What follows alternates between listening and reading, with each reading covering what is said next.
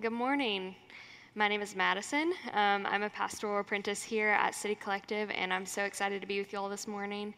Um, we're going to continue in our series. Um, our, we've been in a vision series going through our mission statement um, to love God and live in community for the sake of the city. So we're now in the end of that. We're at the sake of the city portion. We're going to be talking about missions. Last week, Matt kind of told us what the mission of God is, um, and he walked us through that a little bit. And this morning, we're going to be talking about why we are to go on mission as Jesus did. Um, we learned from last week that living in a kingdom that is here and also coming means seeing heaven break in all around us. We talked about the kingdom of God and um, why we're here, what we're doing, uh, what we're doing with the mission of God, and how we interact with that. So today I want to ask you guys a question and have you think about it for just a moment. Why did Jesus come? I want you to think about what first comes to your mind when you think of that question. I know I had to think a lot about that this week. Um, and when we look at the New Testament, the New Testament in Luke 19:10 says that Jesus came to seek and save the lost. Matthew 121 says that she, Mary, will bear a son, and you shall call him Jesus, for he will save people from their sins. 1 Timothy 1:15 says the saying is trustworthy and deserving of full acceptance that Christ Jesus came to the world to save sinners. John 17:3 says and this is eternal life that they know you the only true God and Jesus Christ whom you have sent. Hebrews 2 9 says, But we see him for a little while, who is made lower than the angels, namely Jesus, crowned with glory and honor because of suffering and death, so, by, so that by the grace of God he may taste death for everyone. In short, I think it's safe to say that Jesus came so he could offer us a different way of life, a way that brings abundant life. So, what does that mean? The Gospels record Jesus beginning his ministry, starting to preach and saying, Repent, the kingdom of heaven is near. And we have to understand what that means. We have to understand the gravity of that statement. Kingdom language during the time of Jesus was common, it held weight, it meant something. And what Jesus is saying here is that your hope doesn't have to be in the kingdom of the present day or superiority or rulers or powers or money or whatever.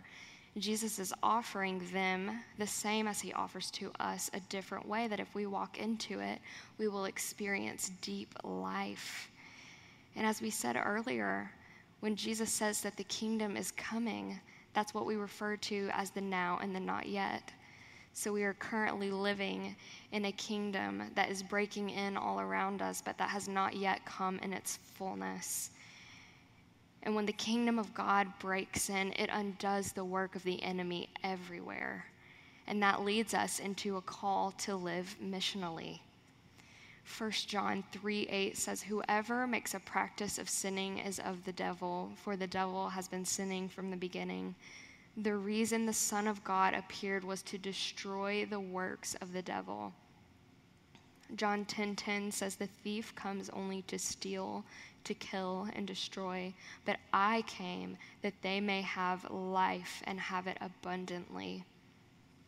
I don't have to teach for long and stand up here to try and convince you that our world is a dark place there's oppression, there's poverty, there's evil, exploitation all around us.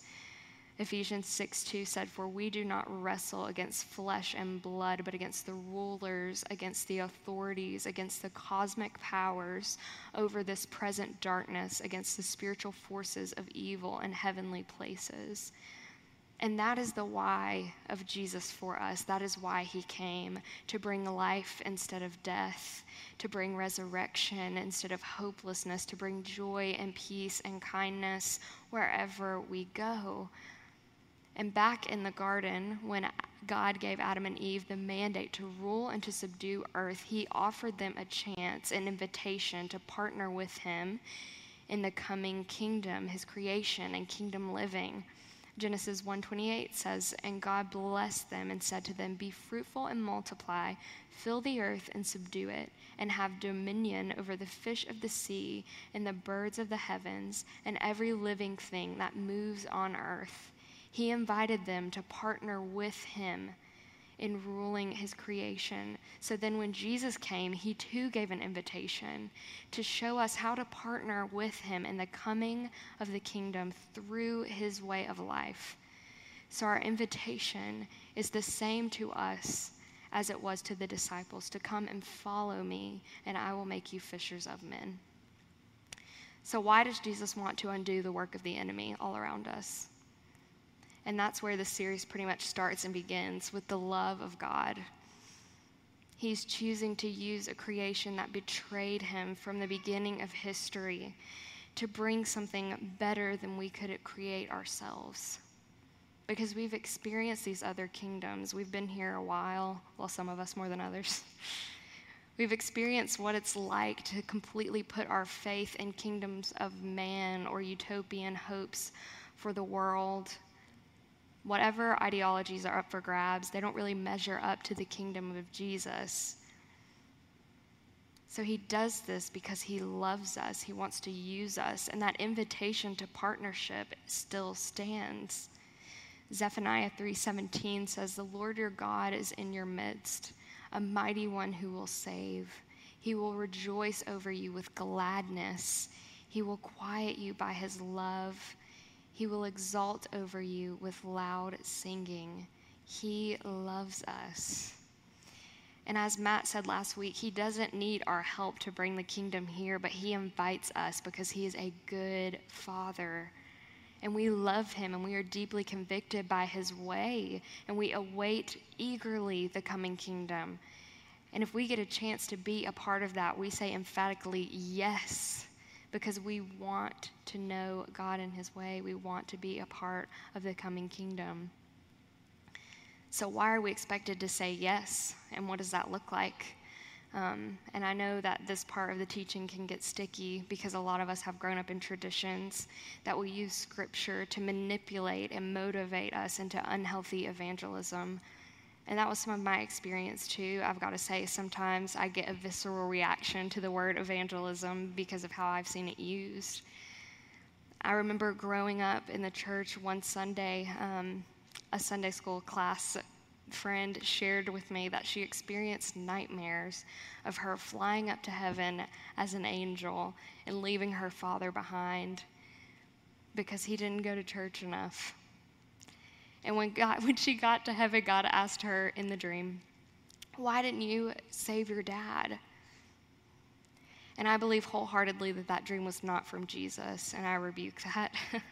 that was from a false narrative picked up by a little girl who wasn't taught that evangelism into following Jesus does not mean going out and handing out gospel tracts or screaming at people of their impending doom. It's an invitation and I want to say that you've, if you have experienced that, or if you've done that, or been on the other end of that, or if you have a hard time with mission because this is hard, and it's not, it's not simple. There's no how to. I just want to say you're not alone. You're in great company, and that Jesus, as He has in the Bible throughout history, is offering us a third way, an other way, as He always does, especially in the realm of missions. And if you want to talk more about that, I would love to get coffee with you this week. um, but let me elaborate a little bit more on this. I think on the flip side of that coin, um, probably many of you don't struggle with going to college campuses and yelling at people. I, I don't think that's anyone in here. But um, on the other end of that spectrum, I think where most of us probably fall is not really giving God any of the credit. Um, or being so unsure, we're just kind of paralyzed and don't really know where to go or what to do. And Brooks is going to tell us a little bit more about how to do mission next week, but I want to share an example from my own life of this and what this can kind of look like. I don't have missional living down pat, and I don't claim to. Um, I often find myself paralyzed and wondering what to do in this realm. Um, this is what my week looks like typically. I get up in the morning with enough time to make a cup of coffee in my kitchen. Um, I drive to work, where I work with all Christians. And then I go to lunch, usually with one of you guys. Uh, I get back to work. and I go home and spend the evening with my husband or doing something for church. There's nothing inherently wrong with the day I just described. Um, it just looks really different from Jesus's. it doesn't seem like to me the life of someone expectant of a coming kingdom. When I think about the life of Jesus and maybe what he would do today, I think about someone who would probably get up in the morning slowly with enough margin to go sit at a coffee shop and talk and actually care about his baristas. I think of someone who will go to work and go out of his way for his coworkers who would think, how can I be Jesus here? Which he would be Jesus, so I guess he would be. Uh, I think of someone who, during his lunch break, would probably go on prayer walks and intercede and pray over the city, who would meet strangers, maybe invite them out to dinner. I don't know what he would do, but I just know that it's easy to be padded. Our lives are so padded, especially in the West. It's just easy. We have such privileges. Just by living in America, we have privileges in regards to mission that most people in the global church do not have. Some places there literally is no health care, so you just pray. Like we have it so good here. Our lives become so padded with privilege that we start to live like we don't need God anymore. And that is not where we want to be. We should look differently from the rest of the world because Jesus did. 1 John 3 1 says, See what kind of love the Father has given to us that we should be called children of God. And so we are. The reason why the world does not know us is that it did not know Him. And Jesus says in the New Testament, we are supposed to do greater things than He did.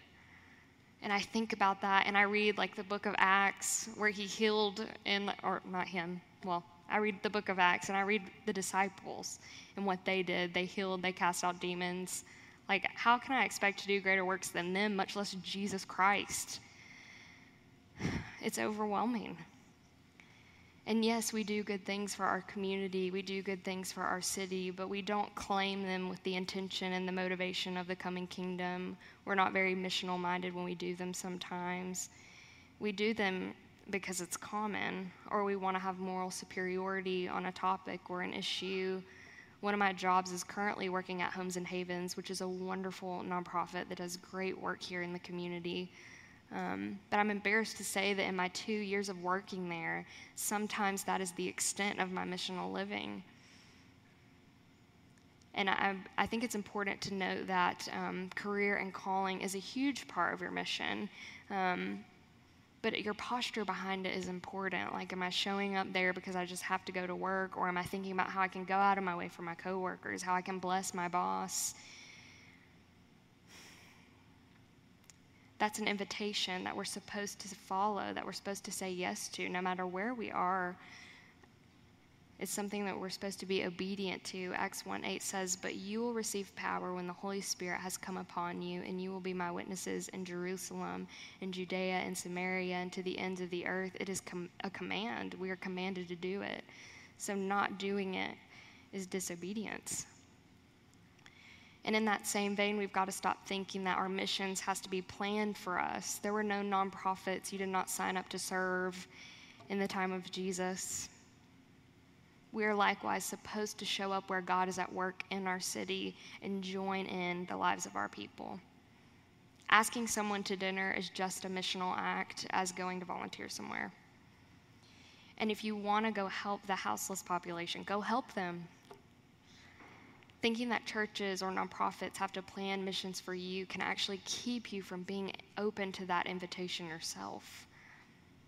And we've got to stop also with the missional hierarchy some of us see clearly the mission, the kingdom of God coming in different areas. Some of us have different heartbeats for different things. And we should care and be concerned about all of these things as the body. But it's not going to be all of our passion projects.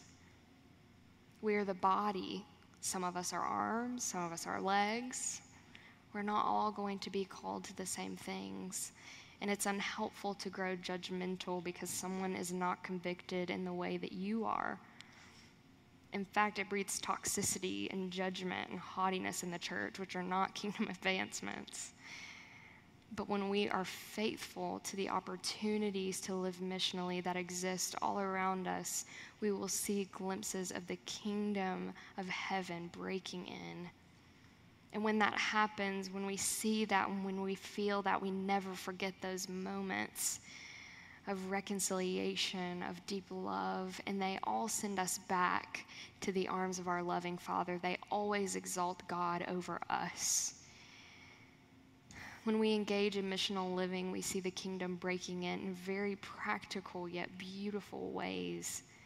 When we take time to listen to the experiences and pain of our black and brown and Asian brothers and sisters, when we see the same baristas every day and actually care about them, when we hold space for a sister or wife or friend who's experienced sexism, when we sit and talk and have genuine relationships with our friends who are not believers or who are believers but are having a hard time, when we practice radical forgiveness to people who have deeply wounded us, when we foster or adopt or care for children, when we practice compassion and going out of our way for coworkers, when we have dinner with someone from our community. When we grieve with the houseless population and those in the working class often exploited, when we befriend the widow, the sex worker, and the tax collector alike, this is the kingdom. And this is what Jesus is inviting us into. And quite frankly, the need for us to live missionally, to say yes to this, is great. If we collectively as a church today said yes to that, we could plant seeds that see revival all over our city and I want to see the kingdom of heaven breaking into Chattanooga. And though I won't probably get to see that work completed, I hope to say yes and just play a minuscule part in that because I'm honored by the invitation. I'm honored that God would use us. As I said earlier, this series begins and ends with the love of God because it is the love of God that compels us into action. It inspires us, it moves us to be the hands and feet of Jesus. And it's the love of God that changes our lives so deeply that we are contagious to everyone around us. And it's the love of God that He not only chooses to redeem the earth despite the rebellion of humanity, but He chooses to use the very ones who turn their backs on Him to redeem it. He chooses you and me to partner with him in the coming kingdom. And the question this morning I want to ask you all is will you say yes to that? This morning, as we head to communion, I want to highlight the invitation of God. Have you decided to partner with Him in missional living? Are you awake and aware to His voice at where He's at work in the city? I invite you to take a moment to pray. Are you feeling moved by his love today? How will you respond? Maybe you take a step into discipleship. Maybe you talk with the people you're with about a place you see him working in our city. I don't know. Whatever that looks like for you, I want to ask you to take a moment to pray and just ask God what he has for you today. Brooks and I will be in the back if you want to respond. Um, it's not, not just for confessing your deepest, darkest sins. Um, we would love to just pray for you and send you into the mission that God has you in. Um, let's pray. Father, thank you for your love for us. Thank you for moving us. Thank you for inviting us to partner with you. God, we are so unworthy of that partnership.